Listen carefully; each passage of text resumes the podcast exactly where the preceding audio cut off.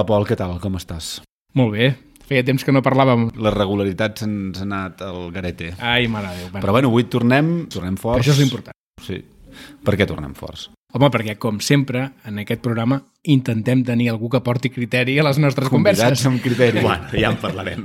I en aquest cas tenim amb nosaltres l'Eric Zapater. Benvingut, Eric. Moltes gràcies, Pol. Moltes gràcies, Pep. Molt bé. No, home, no, gràcies a tu.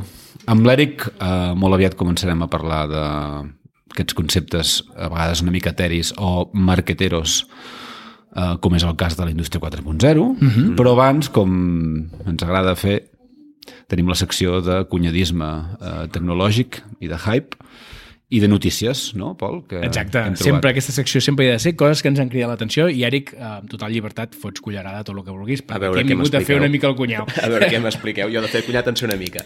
Molt bé, doncs res. Primer, he posat aquí tres coses que m'han cridat l'atenció. Eh, la primera és, jo sóc una mica friqui del tema aeroespacial i aquesta setmana hem tingut just la notícia de que la sonda japonesa, a veure si ho dic bé, Hakuto R, eh, ha bueno, havia d'aterrar a la Lluna amb control i a pocs metres d'aterrar, 150 metres, calculen, van perdre el control i ara se sospita que haurà acabat, bàsicament, aterrant amb poca elegància, diguem-ho així. Sí, sí. Aquí el, el, potser el més rellevant és que en aquest cas aquesta sonda um, està dissenyada, mm -hmm. executada, llançada per una empresa privada japonesa, sí. vale? que potser és el més rellevant. De totes formes, només un matís. Quan algú aterra, ho fa al planeta Terra. És un allunatge, Sí. en realitat. I en el sector hi ha, un, hi ha una conya, que és que quan algú s'estrella, bàsicament en diuen litofrenada. Lito de pedra, eh, i frenada perquè frena en sec. en Jo també ho sentit. entenc, jo Per també ho entenc. Bé, clar, tu fas un informe, o sigui, què passa aquí? Tu fas una missió val una pasta, un esforç de temps, científics, pensant, i després de cop, quan queden 150 metres, allò es fot una hòstia com un piano a la lluna. Després quan has de fer l'informe, Has de donar una mica de glamour. li, has de donar- li has de posar una paraula no? que quedi una mica millor. La litofrenada és maco, eh? És Litofrenada frenada per pedra, per està bé. entendre'ns. Sí, sí, per Sí, sí, roca. jo me l'apunto, eh, la, la litofrenada. La litofrenada està molt bé, Sí, eh? quan Sols algun projecte no acaba bé, sí. ha fet una Ha litofrenada. fet una litofrenada. És bona, Sí, és bona. és dolorós. Sí. Sí, sí. Ens estem anant una mica, eh? El, el que m'ha sorprès és que eh, els pocs dies que SpaceX eh, obrís un cràter descomunal al, a Boca Chica, Sí. no hagis escollit la notícia del llançament de la... És que em sembla que això ja, ja, ja se n'ha parlat molt, no? Se n'ha parlat molt. Dir des d'aquí que a mi em sembla un, un èxit rotund, val? Eh, hi ha opinions molt diverses sobre el tema, a mi em sembla un èxit rotund, eh, no sé vosaltres, si us ho sembla també. Bueno. Jo crec que van aixecar molt de pols. Sí, home. El caure. Va ser El- molt el mediàtic, El etc. Ja saps que jo amb SpaceX tinc una relació així... D'amor a odi. Sí. Uh, sí, No, la meva relació és completament d'amor i crec que, evidentment, hagués pogut ser més exitós, però també hagués pogut ser un desastre i, i per sort no va ser-ho. I Bueno, crec que es van aprendre moltes En tot cas, darrere d'això eh, es, es va eh, posant de manifest que el relleu amb totes aquestes mogudes l'està agafant el sector privat. Sí. Molt de la maneta de finançament públic, perquè a vegades sembla que sigui tot um, provinent sí. d'aquest àmbit i, bueno, anirem veient coses, no?, en aquest sentit. Què més? També tenim una altra notícia més menys tecnològica, però igualment interessant, que és el tema dels Chromebooks. Clar, ara s'estan complint eh, tres anys des de la pandèmia. Durant la pandèmia va haver un, una pujada de vendes espectaculars de, dels Chromebooks perquè molts instituts es van haver de proveir per poder oferir aquests dispositius als No, seus per estudiants. remotitzar activitats, no, bàsicament. I, I què està passant? Que sembla que estan començant a fallar, com és lògic, al cap de 3 anys, i que no hi ha recanvis al mercat. És un xou, eh? Us impacta, Eric, a la feina, el tema dels equips de treball? A veure, en principi, Llocs. a nosaltres el, el Chromebook com a tal no ens ha afectat, perquè generalment en sector indústria eh, els ordinadors que fem servir, tot i ser thin clients en el, en el cas de terminals de planta, són coses bastant més eh, de mercat, per dir-ho així. No és, no és una cosa molt especifici, específica, sinó que el, el, el que especifiques és tot l'embolcall que li poses a l'hora de protegir-lo i de, de més, però sí que ens afecta tot el tema de recanvis i de... no tant l'obsolescència generada per una falta de recanvis, sinó per la falta de recanvis perquè no hi ha recanvis en el mercat arrel de les, de les crisis del liti, dels Sí. microcondensadors i a més. De fet, ens hem trobat en, en, en haver de parar projectes perquè els plaços d'entrega dels PLCs o dels, dels, dels autòmates que controlen línies o que transporten informació eren de mig any, un any, Mm. i que realment sí que tenen, sí que hi ha impacte amb el, en aquest aspecte. I per últim, tenia apuntat per aquí una altra cosa més anecdòtica, que és que la gent d'OpenAI està intentant registrar la marca GPT. Eh, perquè què està passant ara? Que tothom vol imitar no? a ChatGPT d'OpenAI. El primer, el nostre amic que surt sempre en, aquest, eh, en aquests episodis, que és l'Elon Musk, que vol crear, em sembla que li ha posat, a més dels collons de, li vol posar el nom de Truth GPT. Sí, sí. és que els té sí, quadrats, però... Sí, sí però ben quadrats. Eh, I clar, suposo que aquí els d'OpenAI han vist que això passarà a ser un, una nomenclatura que, que crida l'atenció, que ja té un cert branding, no? i volen intentar protegir-la veurem si se'n bueno, si és el surten. mainstream, no? Exacte. De totes formes, jo crec que, que deu ser el menor dels reptes que tenen ara mateix, no? Tot el, sí, home. La que està caient a la Unió Europea... Total, tema tenen temes legals més interessants per remenar que no pas si sí. la marca la registro o no la registro o... T'ho dic que m'agradaria que, que algú m'expliqués si realment tot eh, aquest enrenou que hi ha entorn a la protecció o l'ús que se'n fa de les dades, si es tracten correctament, si tots els mecanismes són correctes, és bàsicament eh, l'excusa que han trobat per frenar una miqueta, no? Mm. Uh, algo que jo no sé si respon a un moviment molt pensant en el mercat eh, d'OpenAI, més que una capacitat tecnològica, perquè sí, ChatGPT, quan no el coneixes i entres, no? cosa que va passar fa unes setmanes, és relativament espectacular, però no sé si eh, el fet de que Apple, Google i companyia no haguessin fet aquest moviment en el seu moment és perquè consideraven que la tecnologia no era suficientment madura o potser era un time to market o potser, potser no, si no tinc ni idea, eh? aquí un moviment d'OpenAI sembla que... Al final, amb, amb aquests moviments tecnològics sempre hi ha un impulsor, sempre hi ha un que va primer mm. i tota la, tota la resta que van darrere i s'intent... I no és que aprofitin el d'allò, sinó que, hòstia, això mola molt, anem a ficar-nos-hi mm. i anem a, fer, anem a treure un, un tall d'això. En el cas del, de la protecció de dades, uh, ChatGPT la, fins a la versió 4 està, fent, està tirant d'un recopilatori de dades que, que és estàtic i que el, et retorna una interpretació d'aquelles dades. Per tant, el, la, la llei oficial de protecció de dades, la GDPR, o aquestes, el que diuen és que tu no pots fer... La GDPR no, perdona, la, Ah, les lleis d'autors i editors.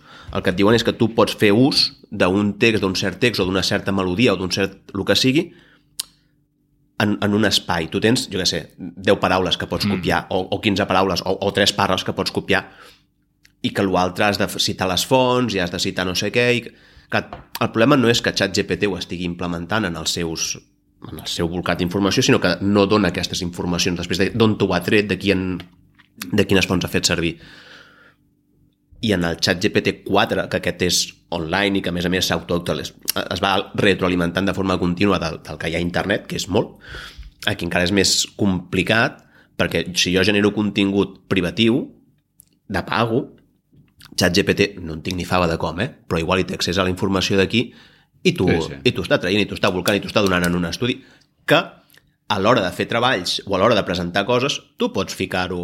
Tu li, li demanes al xat GPT, fes-me una redacció sobre no sé què, li dones quatre pautes i li dius redefineix, i hòstia, t'acaba de fer un treball de puta mare. El meu sí, fill tant. ho ha fet... O sigui, no ha fet servir-ho com a, com a entrega, perquè si ho arriba a fer li pego dos collejas, perquè té la desgràcia de que el seu pare veu aquestes coses, però sí que ho hem fet servir de font de, de, de, de, font de, creati, de creació, no? per alguna història d'aquestes. Hòstia, és brutal el que pots arribar a fer.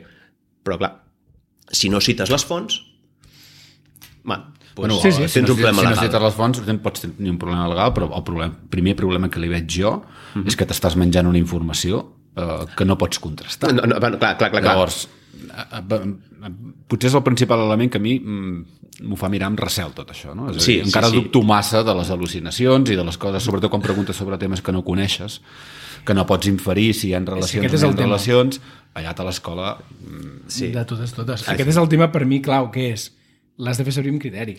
Una cosa és que tu diguis, com tot, si, tu, si tu li dones un context, no? doncs és fàcil que et doni resultats interessants i després tu has de passar per, per aquests resultats. No? Sí, I has de dir, escolta, sí, sí, sí. Eh, si tu estàs escrivint, m'invento, un article sobre eh, X cosa, tu has de conèixer una mica el sector per entendre si t'està dient bueno, coses que no són realitat. No? no és com demanar-li codi, no? Al final. Sí, correcte. És el mateix. Però, però és... Si no saps llegir codi... És el que ens va passar amb la pandèmia. Quanta gent hi havia que tenia opinions molt fortes sobre les vacunes o sobre els metges o sobre el moviment que hi havia? Hòstia, tothom, tothom en sabia. Sort que no teníem xat GTP encara. Ah, sí, Imagina't. Hòstia. Sí, sí, sí. sí. Imagina't. Sí, sí, sí, sí. No, sí que és veritat que això, que al final et fa falta filtrar i tindre Clar. una mica de criteri. Eh, Jo ho parlava l'altre dia amb, amb qui era? Amb un company.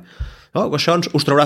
No, a mi no em traurà la feina un xat GPT que si jo li demano que em dongui codi, m'escrigui codi. Al contrari, me la, felici- me la facilita. Sí, sí, et millora. Clar, clar, clar, és una eina que m'automatitza coses. Evidentment, requereix d'algú que estigui darrere per poder, el que dèiem, no? filtrar, entendre, veure i, i- poder treure una mica de... És així. donar context a això. Sí, sí, totalment. De totes maneres, sí que veig això que deies tu, eh? que probablement aquesta part de la llei de protecció de dades serveix com a excusa a la part regulatòria, a la part administrativa, per, per guanyar temps, perquè sí que tens la sensació de que això va tan ràpid, l'administració va sempre tard. Però és que en aquest cas, però Va és un, molt tard. És un element que, que serveix per frenar una miqueta l'expansió de... Suposo que ho fan amb aquesta marca, intenció. No? Què va passar amb internet?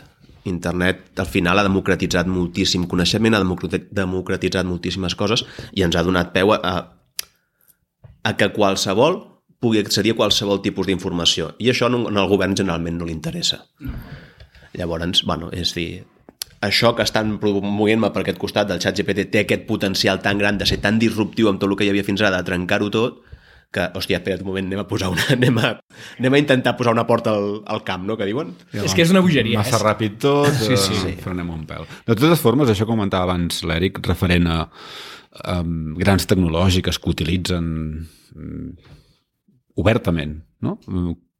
Continguts generats per les persones, mm. no? fonts d'informació, siguin d'empreses, de mitjans o no, i, i campanassos anxes en aquest sentit, no és, no és, això no és nou. No. O sigui, el, famós, un famós Google ens roba, Exacte, al final és eh, això. Google s'ha fet gran gràcies a, a utilitzar no? els continguts que genera... Això ho hem comentat aquí més d'una vegada. Al final, jo com a creador de continguts, si a mi això em serveix, jo genero un contingut i això em serveix per generar tràfic a la meva pàgina web o el meu servei o el meu producte, això és interessant per mi. Al final em convé. Ara, en el moment en què el senyor Google diu extrec la informació d'una web, monto un widget de, en el meu buscador i mostro la informació sense que la gent hagi de visitar-te tu, aquí t'està robant.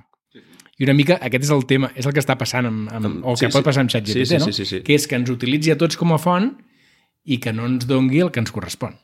Correcte. Ni tan sols en citi. No? Correcte, sí, sí, sí. Llavors al final dius, bueno, per què genero jo continguts si Google no m'envia tràfic, ChatGPT no em cita, tothom m'està utilitzant com a font, però ningú m'està donant part del benefici que s'obtindrà d'això, no? Llavors aquí és una mica on, on està el tema. Ferros roents en els que agafar-se per dir, "Oh, escolta, Bueno, s'hauran de trobar escletxes, com sempre, no? Sí. Al final, els... Sí, sí, sí, sí. Sens dubte. Un cop comentat això, us sembla si passem ja Entrem una miqueta en... en matèria? Sí. mm, materialitzem. A veure, Eric, Digue. mm, com podem definir el, el, el que fas tu? Tu ets project manager Jo sóc project manager, en una empresa que treballa en aquest món que a vegades es mal anomena Indústria 4.0. correcte. Què vol dir això? Quina és la teva professió? Vale. Per entendre què faig jo, és interessant entendre què és el concepte Indústria 4.0. Vale? Perquè si no, al final, el que fem, fem programes perquè les màquines parlin a les persones. Més o menys. Vale? Llavors, la gràcia de la Indústria 4.0 no és més que aprofitar tot el ninxo tecnològic que tenim per arribar a un punt de a, evitar tot allò que no aporta valor en les empreses. Anem a, a baixar-ho, ¿vale? Uh, hi ha un concepte que són les fàbriques de llums apagades. Les fàbriques de llums apagades són aquelles fàbriques que són completament autònomes, en les que no cal cap operari, perquè tot el, el cervell tecnològic que s'ha muntat és capaç de gestionar tant la producció com la logística, tant d'entrada com de sortida, i fer que això... Realment, si ens parem a pensar, una persona comptant fuets passant per la línia de producció no aporta cap valor a que passi un fuet per allà. No li, està fent, no li està donant un valor afegit. Llavors això es pot substituir molt fàcilment per una fotocèl·lula que ho compti i una càmera, de visió una càmera i un sistema de visió artificial que avaluï si aquell fuet compleix o no compleix els, els requeriments de qualitat per sortir a mercat. Vale? La persona on t'aporta valor és en totes les feines prèvies de disseny, de, de plantejament, de, de, de màrqueting, en tota una sèrie de coses que la tecnologia a data d'avui no ens pot uh, proveir.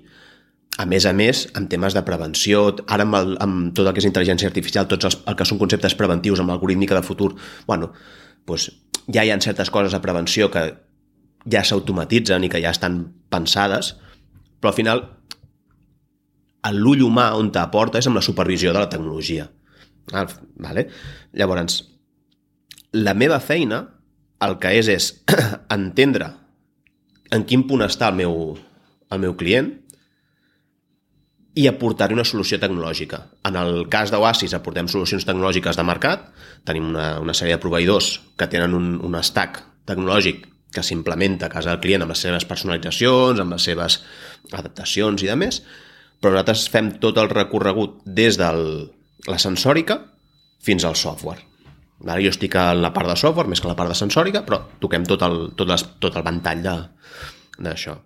Llavors, 4.0 al final el que acaba siguent és aquest punt d'interconnexió de, de totes les tecnologies disponibles per fer que les decisions siguin pràcticament autònomes o aportar suficient informació com per prendre decisions sense eh, necessitat d'una intervenció massa directa o, per, o al final treure informació a llarg plaç del que està passant i poder projectar. Vale? Al contrari del que teníem les indústries 1, 2 i 3, que no van ser més que moviments d'evolució natural de la mà de la tecnologia. Molt bé. Escolta, ara, eh, bueno, quan estaves explicant-nos una miqueta d'aquest eh, percal, no? uh -huh.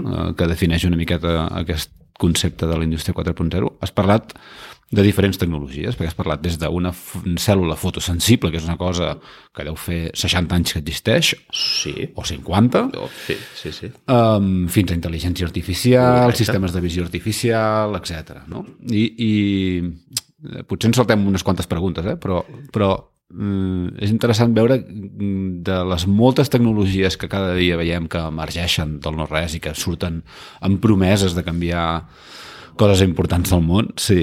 Um, clar, evidentment, moltes mm, acaben sent un hype i prou, però n'hi ha d'altres que sí que han, que, han, que han produït un impacte. En aquest sentit, el, el, en aquest àmbit de la indústria 4.0, quines són les claus les tecnologies claus que han sortit en els darrers anys i que potser han propiciat que passi això que comentes.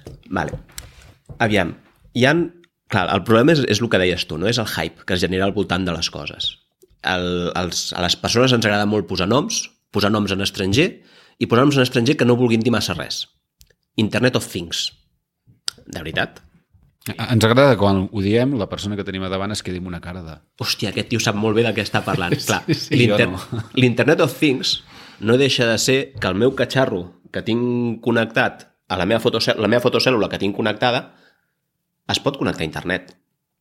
De veritat, això en fem un concepte tan gran com per dir-ne Internet of Things i que es munti tot aquest boom i fer-ne professionals i som...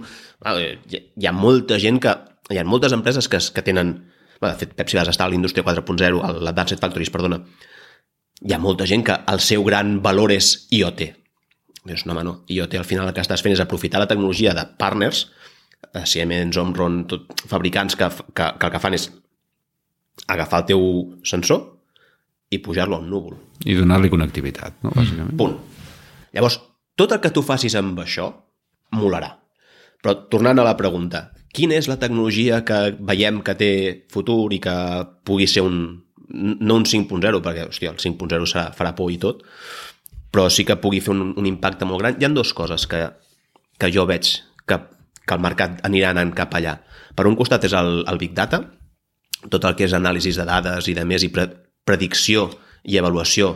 Al final, penseu que molt, el, les empreses van a fer diners, vale? no, és, és el seu objectiu principal sí. i és lícit. Llavors, contra millor, contra més optimitzi el meu procés productiu, més diners faré o més gent feliç tindré, per tant serà més fàcil que faci més diners perquè tinc més gent feliç. Tot aquest anàlisi que jo haig de fer de la meva producció, fins ara es amb dades que es traien en paper i boli o amb grans, amb grans moments de sentar-nos, fer els anàlisis trimestrals, amb molta intervenció humana. Llavors, tot aquest anàlisi del, del, del moviment del data scientist a tot això està automatitzant moltíssim moltes decisions, està donant molt de poder a la persona que amb un volum molt gran de dades pot veure tendències molt tendències i pot veure coses que a simple vista, i si les hem d'avaluar com a persones, hòstia, se'ns escaparan perquè no tenim capacitat per avaluar centenars de gigas d'informació. Llavors, tots aquests algoritmes que ens permeten i tot aquest moviment de ciència de dades, jo, sota el meu criteri, és un dels grans... I, de fet, és el que està més a prop d'atacar-nos o de ficar-s'hi fort. I l'altre, i dependrà molt de què faci el vostre amic Elon Musk i de com es moguin totes les grans tecnològiques, és la intel·ligència artificial. Clar, intel·ligència artificial, tot el, el... Ja tenim certes coses en la, en la indústria que ens basem en, en algoritmes d'intel·ligència artificial, de visió artificial, de presa de decisions basades a criteris. Però tot aquest moviment que genera el xat GPT i que tu puguis deixar que prengui decisions perquè està entrenat per prendre decisions, bueno, si ho fan ben fet i, i, no es genera, o sigui, i es genera més qualitat que hype, doncs al final serà un, una gran revolució dintre del sector, perquè al final ho és, és un moviment bastant trencador de com, està, de com estem funcionant, en el que la presa de decisions és humana. Llavors, sí que això et dona, et dona la possibilitat de tirar no? cap, a una, cap al que deia, no? empresa de llums apagades i deixar que es gestioni sola i que t'avisi quan necessita millores, fins i tot. No només quan necessita manteniment, sinó quan necessita millores perquè estic detectant que aquest procés no és, el, no és l'adequat o té un, una possible millora per aquí o per allà, perquè n'he après. Mm -hmm. en, en, clar, és, és evident, una empresa és una organització que a priori i per definició va orientada a generar negoci. Vale? Llavors, en, en, és a dir, de totes aquestes tecnologies que deies, no? Uh, i fixant-nos sobretot en el, el, el que és el concepte de produir, val? hi ha molts més factors eh, que fan que una empresa tingui un compte de resultats uh, d'una manera o d'una altra, però la part de producció es distingeixen entre sistemes que estan més especialitzats o que són més clau um, necessitats diferents. I m'explico. Una cosa és tenir predictibilitat sobre quan et fallarà una màquina, no? una altra és reduir accidentalitat o merma, l'altra és que um, no fallin coses en general, per dir-ho d'alguna forma. Hi ha, hi ha àmbits en aquest sentit que, sí. amb especialitzacions de sistemes concrets que sí, es dediquen sí, a... Sí, sí, sí. Uh, la major part... A, a veure si t'he entès bé, eh? Uh, una cosa és optimització, no? Sí, sí, sí. Per un costat tens els departaments de millora contínua interns a les empreses, que aquesta gent al final el que fan és rebre dades de diferents fonts i, i aplicar criteris i prendre decisions sobre el que ells han après del seu bagatge, del que han estudiat, del que han investigat, que aquí són un... un, un... A, a nivell de software o de tecnologia, sí que hi ha moltes uh, eines o verticals de software o, que, que s'apliquen diferent en funció de a on van a parar. No és el mateix ni tan sols és el mateix ni, ni ninxo de mercat ni generalment el mateix ram de proveïdors que es dediquin a, a oferir informació sobre la gent que es dedica al manteniment d'empreses que el GEMAU, que estan en, en, en la mateixa capa ISA que després us explico és això de la capa ISA 95, eh, estan en la mateixa capa ISA 95 que els sistemes MES d'anàlisi anàlisis i execució d'hores de fabricació que el sistema, vale? Uh, uh, sí que hi ha rangs d'especialització amb qui fa cada cosa, qui fa... Tens des de la gent que es dedica a fer a farma, que això és super específic, super concret, super regulat a més a més, eh, no tothom pot entrar perquè necessita certes certificacions ISO, el, el software que tu estàs implementant és software que les modificacions són horriblement lentes, costen, has de certificar cada pas que dones, vull dir, normal, al final t'estàs ficant drogues al cos, com te'n fiquis una calor... Hòstia, és que aquell 0 ens ha fallat.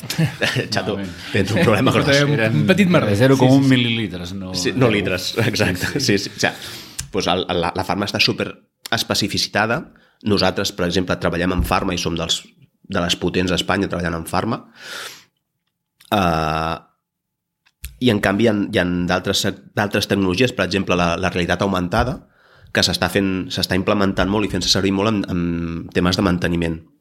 Al final tu tens un proveïdor que pots haver comprat una màquina a Alemanya, t'ha fallat un dia i és molt car que et vingui un tècnic d'Alemanya a arreglar-te la màquina. Llavors, amb, amb ulleres de visió de realitat augmentada, tu pots connectar amb el, amb el teu partner a Alemanya i pot ajudar-te a resoldre marcant-te, guiant-te amb cursors a través de les ulleres. Això és bastant espectacular i és molt tonto.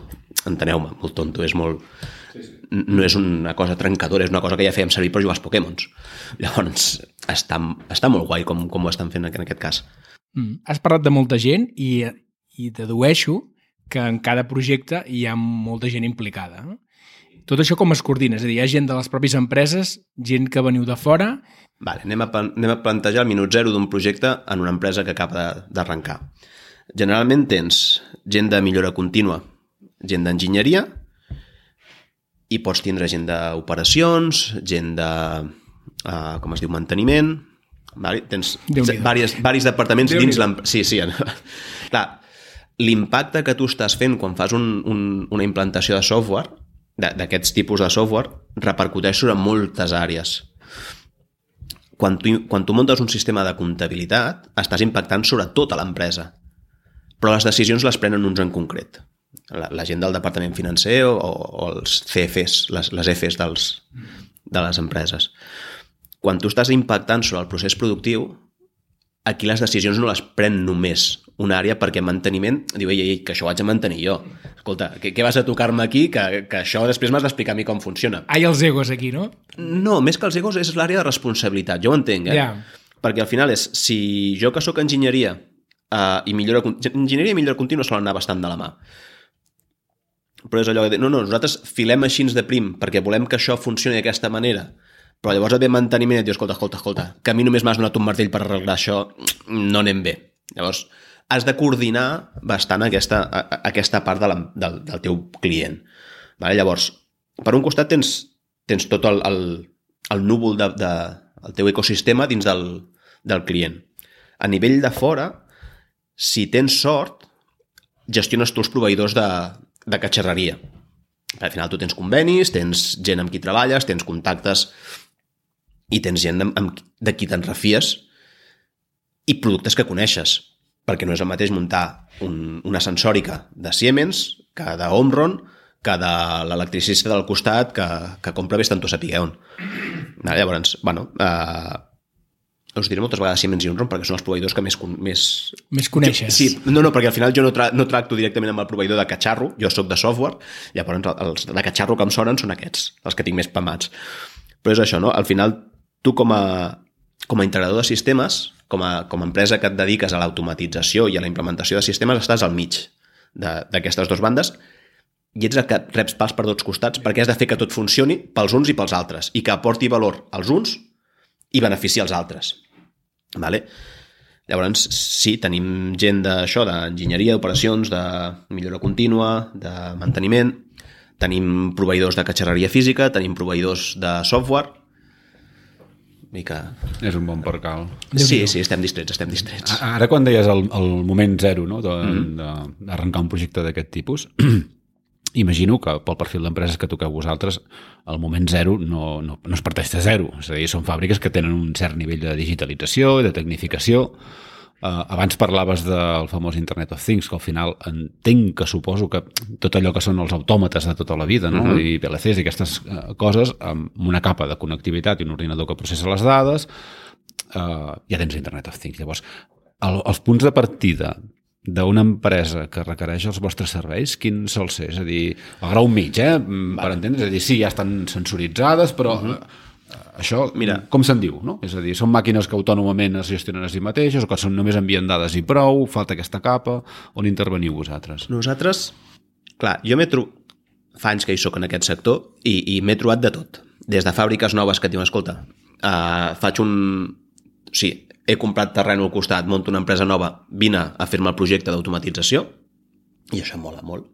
Perquè al final eh, tu, de, tu pots proposar al final la decisió no la prens tu perquè no és la teva pasta, però tu proposes això, fes-ho així, tu fas el teu pla d'enginyeria i, Idealment, no? Hauria de ser així. I a partir d'aquí ja deuen entrar els pressupostos i altres històries. Sí, sí, sí. A veure, si fan una, una fàbrica nova, generalment els pressupostos ja són bastant...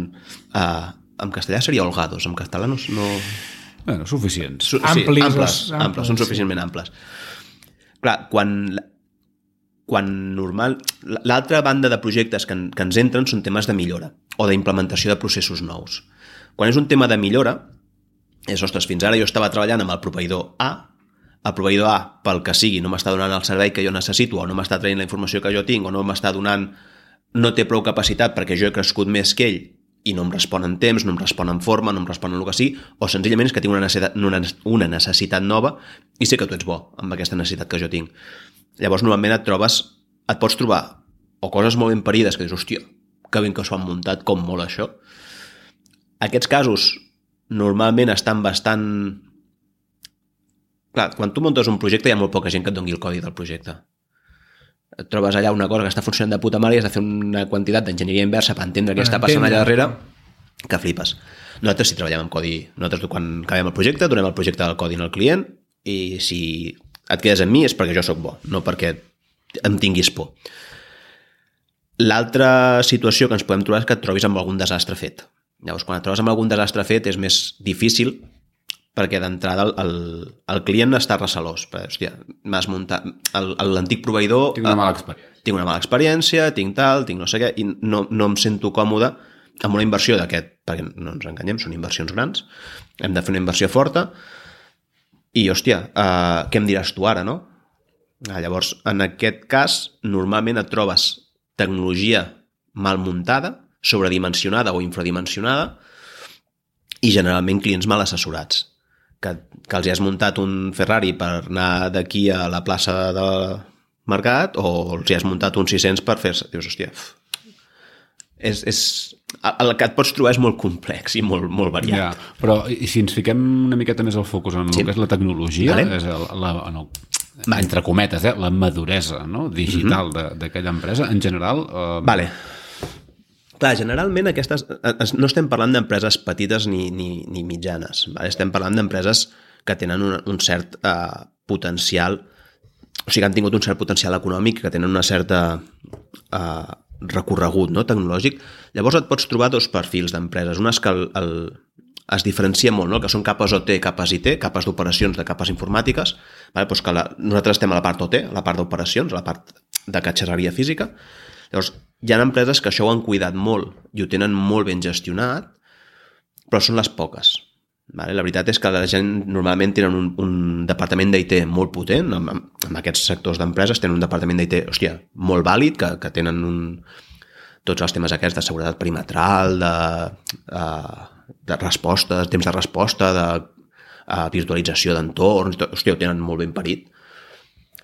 I la capa ho l'han deixada moltes vegades doncs, a, a cavall entre els enginyers de manteniment, eh, informàtica tampoc s'hi vol posar massa perquè són coses que, bueno, com que no és l'estàndard que estudiem a la carrera, la gent, no tothom estudia que és un, un, un, un port profibus o, un, o com funcionen els PLCs, o, això ho fa la gent que fa mecatrònica. La gent que ve d'informàtica, doncs no tothom ho, ho remena. Doncs et trobes amb, amb, amb coses, a vegades, bastant deixades de la mà de Déu que funcionen perquè, pff, perquè funcionen. bueno, perquè s'han fet alguns alguns pagats, no? Per exemple. Sí, sí, sí, et, pots trobar, et trobes pagats grossos, grossos. Llavors et trobes gent que sí que entén que és una àrea de millora potent i que és una àrea on, te, on te tu pots treure molta informació i pots treure molt, molt benefici de tindre això bé, inverteixen fort en això i, hòstia, et trobes coses molt, molt guapes. Hi ha, I, I ara la tendència? És a dir, allò tendència és que cada cop això vagi a més, que la gent cada cop tingui més cuidado del, de, la, de la part industrial i que tingui... Clar, és, la indústria 4.0 ha fet molt de fum. Això des del principi del segle XXI es va començar a parlar de la, de la indústria 4.0 i tothom va començar a dir, hòstia, jo el, el, en el camp de golf el veí del costat havia fet transformació digital. Jo també vull, no? Clar.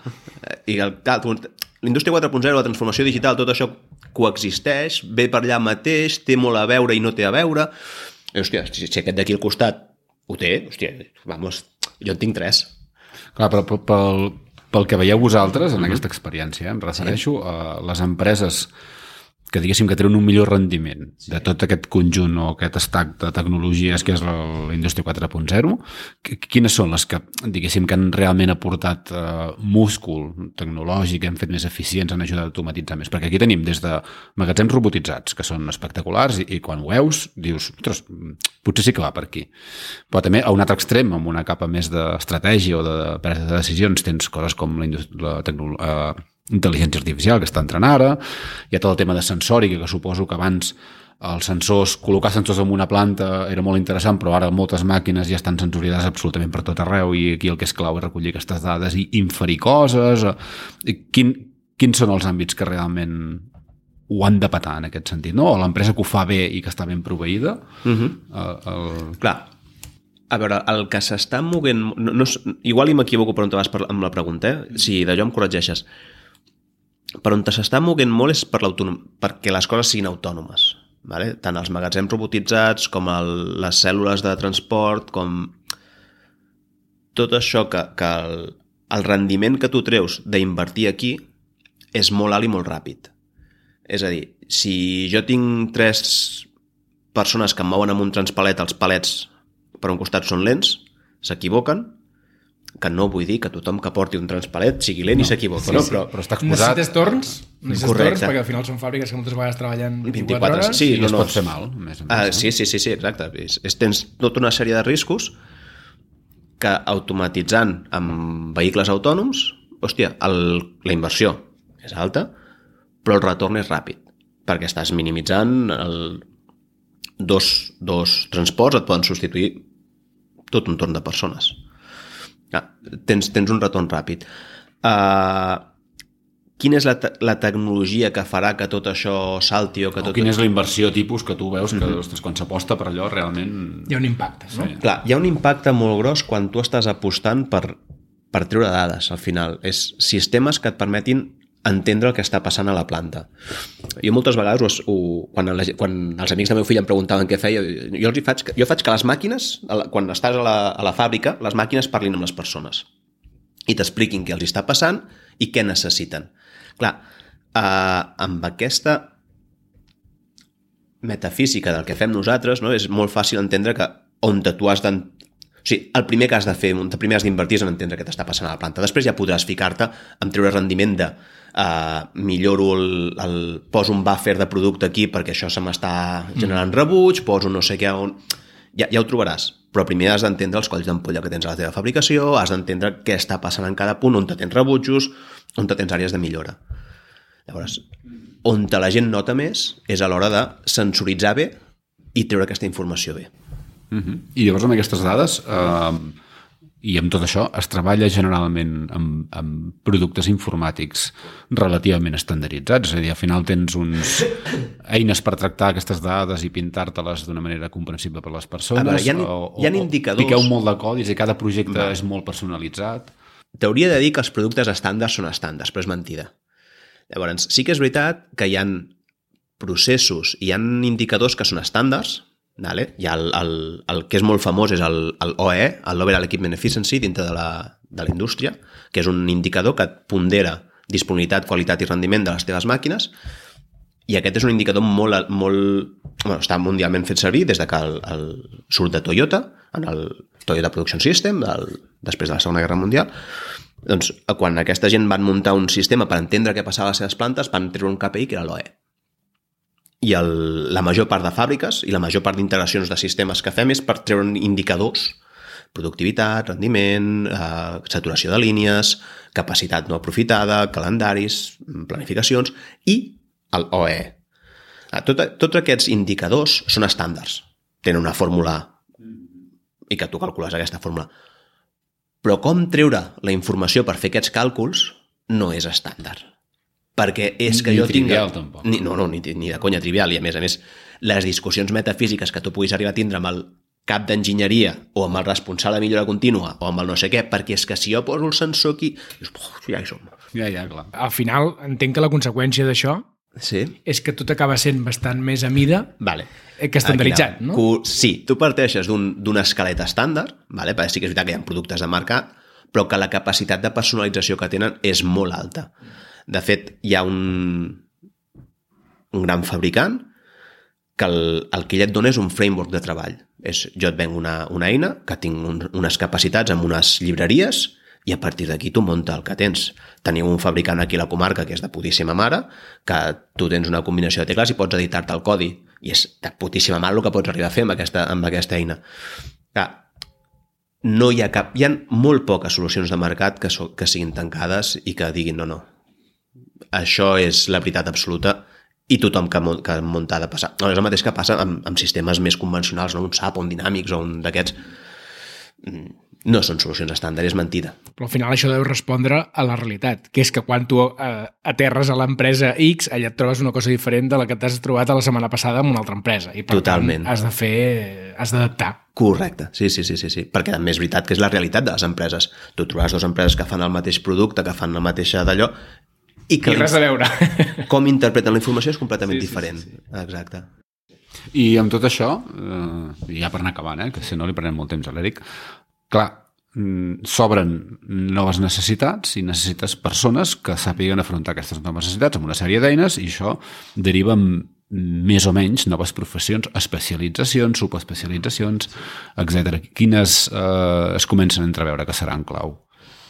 Uf, O quins perfils comenceu a veure a les empreses que fa un temps potser no les veieu a l'àmbit industrial, no? Jo Clar. sabut els analistes, no?, que comencen a treballar ja amb, amb eines una mica sofisticades, que ara estan a l'ordre del dia quasi totes les empreses grans i que potser fa 20 anys no tenien aquest perfil, almenys. Mhm. Vale. Hi ha... És, és el que us deia, no? Et trobes que la- l'empresa, amb tota la revolució aquesta de la, de la 3.0 i la 4.0, al final el que està fent és tindre moltíssima dada. I això no hi ha Déu que ho tragui. Llavors, estan invertint i, es, estan, i han de sortir molt més a gent que es dediqui a l'anàlisi de dades i que automatitzi anàlisis de dades. Vale? Això és, és un dels, dels... I sí que és veritat que, que et vas trobant, eh? Mol, molts, moltes empreses que estan invertint. De fet, aquí al, al BitVic tenim un parell de companys que es dediquen a això, que estan dedicats al, al món de l'anàlisi de dades i que són, són empreses que... Ai, empreses, perdó, són llocs de treball que són present però de futur, vull dir que, que, que aniran a més. Al nostre nivell, clar, eh, nosaltres som enginyers, som informàtics, que més o menys estem reconduïts cap a això que és la informàtica industrial. Mm, bueno, ja, ja hi érem i ja hi serem. I no, no, en el nostre sector concret necessitem programadors, necessitem gent de backend, necessitem gent de frontend, necessitem analistes, necessitem gent de project, necessitem gent de, de, de gestió i de més encarades al sector indústria. És senzillament que el seu domini no sigui el sector, jo que sé, el, el, el retail o el... sinó clar. que sigui aquest. Molt bé. Molt bé. Doncs eh, crec que hem après forces coses. Sí. Hem I no- i no em genera cap enveja, eh? No, a mi personalment tampoc. A mi personalment tampoc. Però hem m'ho una passo mica de molt fum. bé, No, no, no, eh? ja es veu, es nota, es nota, es nota. Es Ets un bèstia, es nota. Eric. I la veritat és que m'ho passo molt i molt bé. És un, és un sector del que disfruto molt, perquè aprenc molt, contínuament. Home, al final sí que és veritat que jo entenc que és un repte, no? Al final, quan aterres a qualsevol empresa és, bueno, a veure què teniu aquí, què voleu i què hem d'inventar per donar resposta a una Correcte. necessitat concreta, Sí, no? sí, per sí, tant, ja. sí que és veritat que monòton no sona. No. No, i és maco, no? O sigui, Sí, sí. Entenc que invertir un munt d'hores que deu tenir cada projecte, que deuen ser hiperllargs, Mm. quan veus que allò funciona, no? Tangibilitzes una miqueta, no? Exacte. Tot aquest esforç Mira, i aquest, aquesta En, projecció que un feu. dels projectes que a mi m'ha generat més satisfacció i amb el, o sigui, més satisfacció per lo immediat que va ser la, la resposta. Va ser un projecte que va estalviar a l'empresa 50.000 euros anuals amb, amb mermes. I va ser una qüestió de treure un, un de canviar un, un indicador de, de, mentida, no, de canviar no, d'automatitzar el treure un indicador i d'enviar-lo setmanalment a, a un departament. Una cosa molt, molt tonta que ens va costar molt poc esforç i que en seguida es va notar. I, hòstia, el, el, el revenue de- d'això, no? el retorn d'això va ser brutal. Sí, sí. Perquè en seguida va ser, ei, hem fet aquesta millora i ens estalviarem això. Dius, uah, que guai. Ràtio de conversió... Sí, sí, Super però bueno, aquí és on es posa en valor de veritat la persona que té experiència i coneixement, que sap quina tecla ha de tocar, no? Perquè... Sí, a veure, sí que és veritat que el, el, nosaltres, és el que us deia abans, no? del, del coneixement del domini. És molt específic i no tothom és que... No, no perquè siguem sub, diferents, ni, sinó perquè ens hem especialitzat en això. Però al final, entendre la necessitat de la fàbrica, no tothom ho ha fet. I els informàtics, menys. Al final ens, ens agrada molt jugar amb les noves tecnologies. És veritat que és ara que tenim noves tecnologies a les fàbriques, fins ara tot eren aplicacions d'escritoris basades en .NET, i és, home, això és una mica avorrit tecnològicament, és ara que comencem a fer coses web ben parides amb reactives i... No? Però, clar, entenem el llenguatge de la gent amb qui parlem. Quan la gent et parla de KPIs de producció, dius, sé què m'estàs dient. Quan dius una saturació de línia, dius, sé què m'estàs sí, dient. Sé de què parles, no? I al Exacte. final, des del punt de vista del client, evidentment, quan algú arriba a casa teva i parla el teu llenguatge, hi ha una connexió immediata, no? Sí. Si no passa això, és guai, ja ve un tio des de fora que no té ni idea de què va això, ni, ni sap què és la saturació de línia, que jo acabo d'aprendre, i ara em ve aquí a explicar com he de fer les coses. No? Ah, exacte. Molt bé, molt bé, Eric. Pues quasi que et deixem anar a veure quants llumets vermells tens. Exacte. No, no has saltat el mòbil, crec que no, no et dec tindre gaires. Que no sigui que hi hagi alguna cosa que estigui patant a algun lloc, eh, deixant de comptar fuets o el, que, el que sigui. Moltes gràcies, Eric. A vosaltres, Pol i Pep. Vinga. I a vosaltres, gràcies per escoltar una vegada més. Com sempre, ens podeu recomanar, podeu posar estrelletes, eh, comentaris, feu el que voleu. I esperar-vos d'aquí 15 dies o no. Això és una mica incògnita, certament. Va, Una abraçada a tothom. que vagi bé.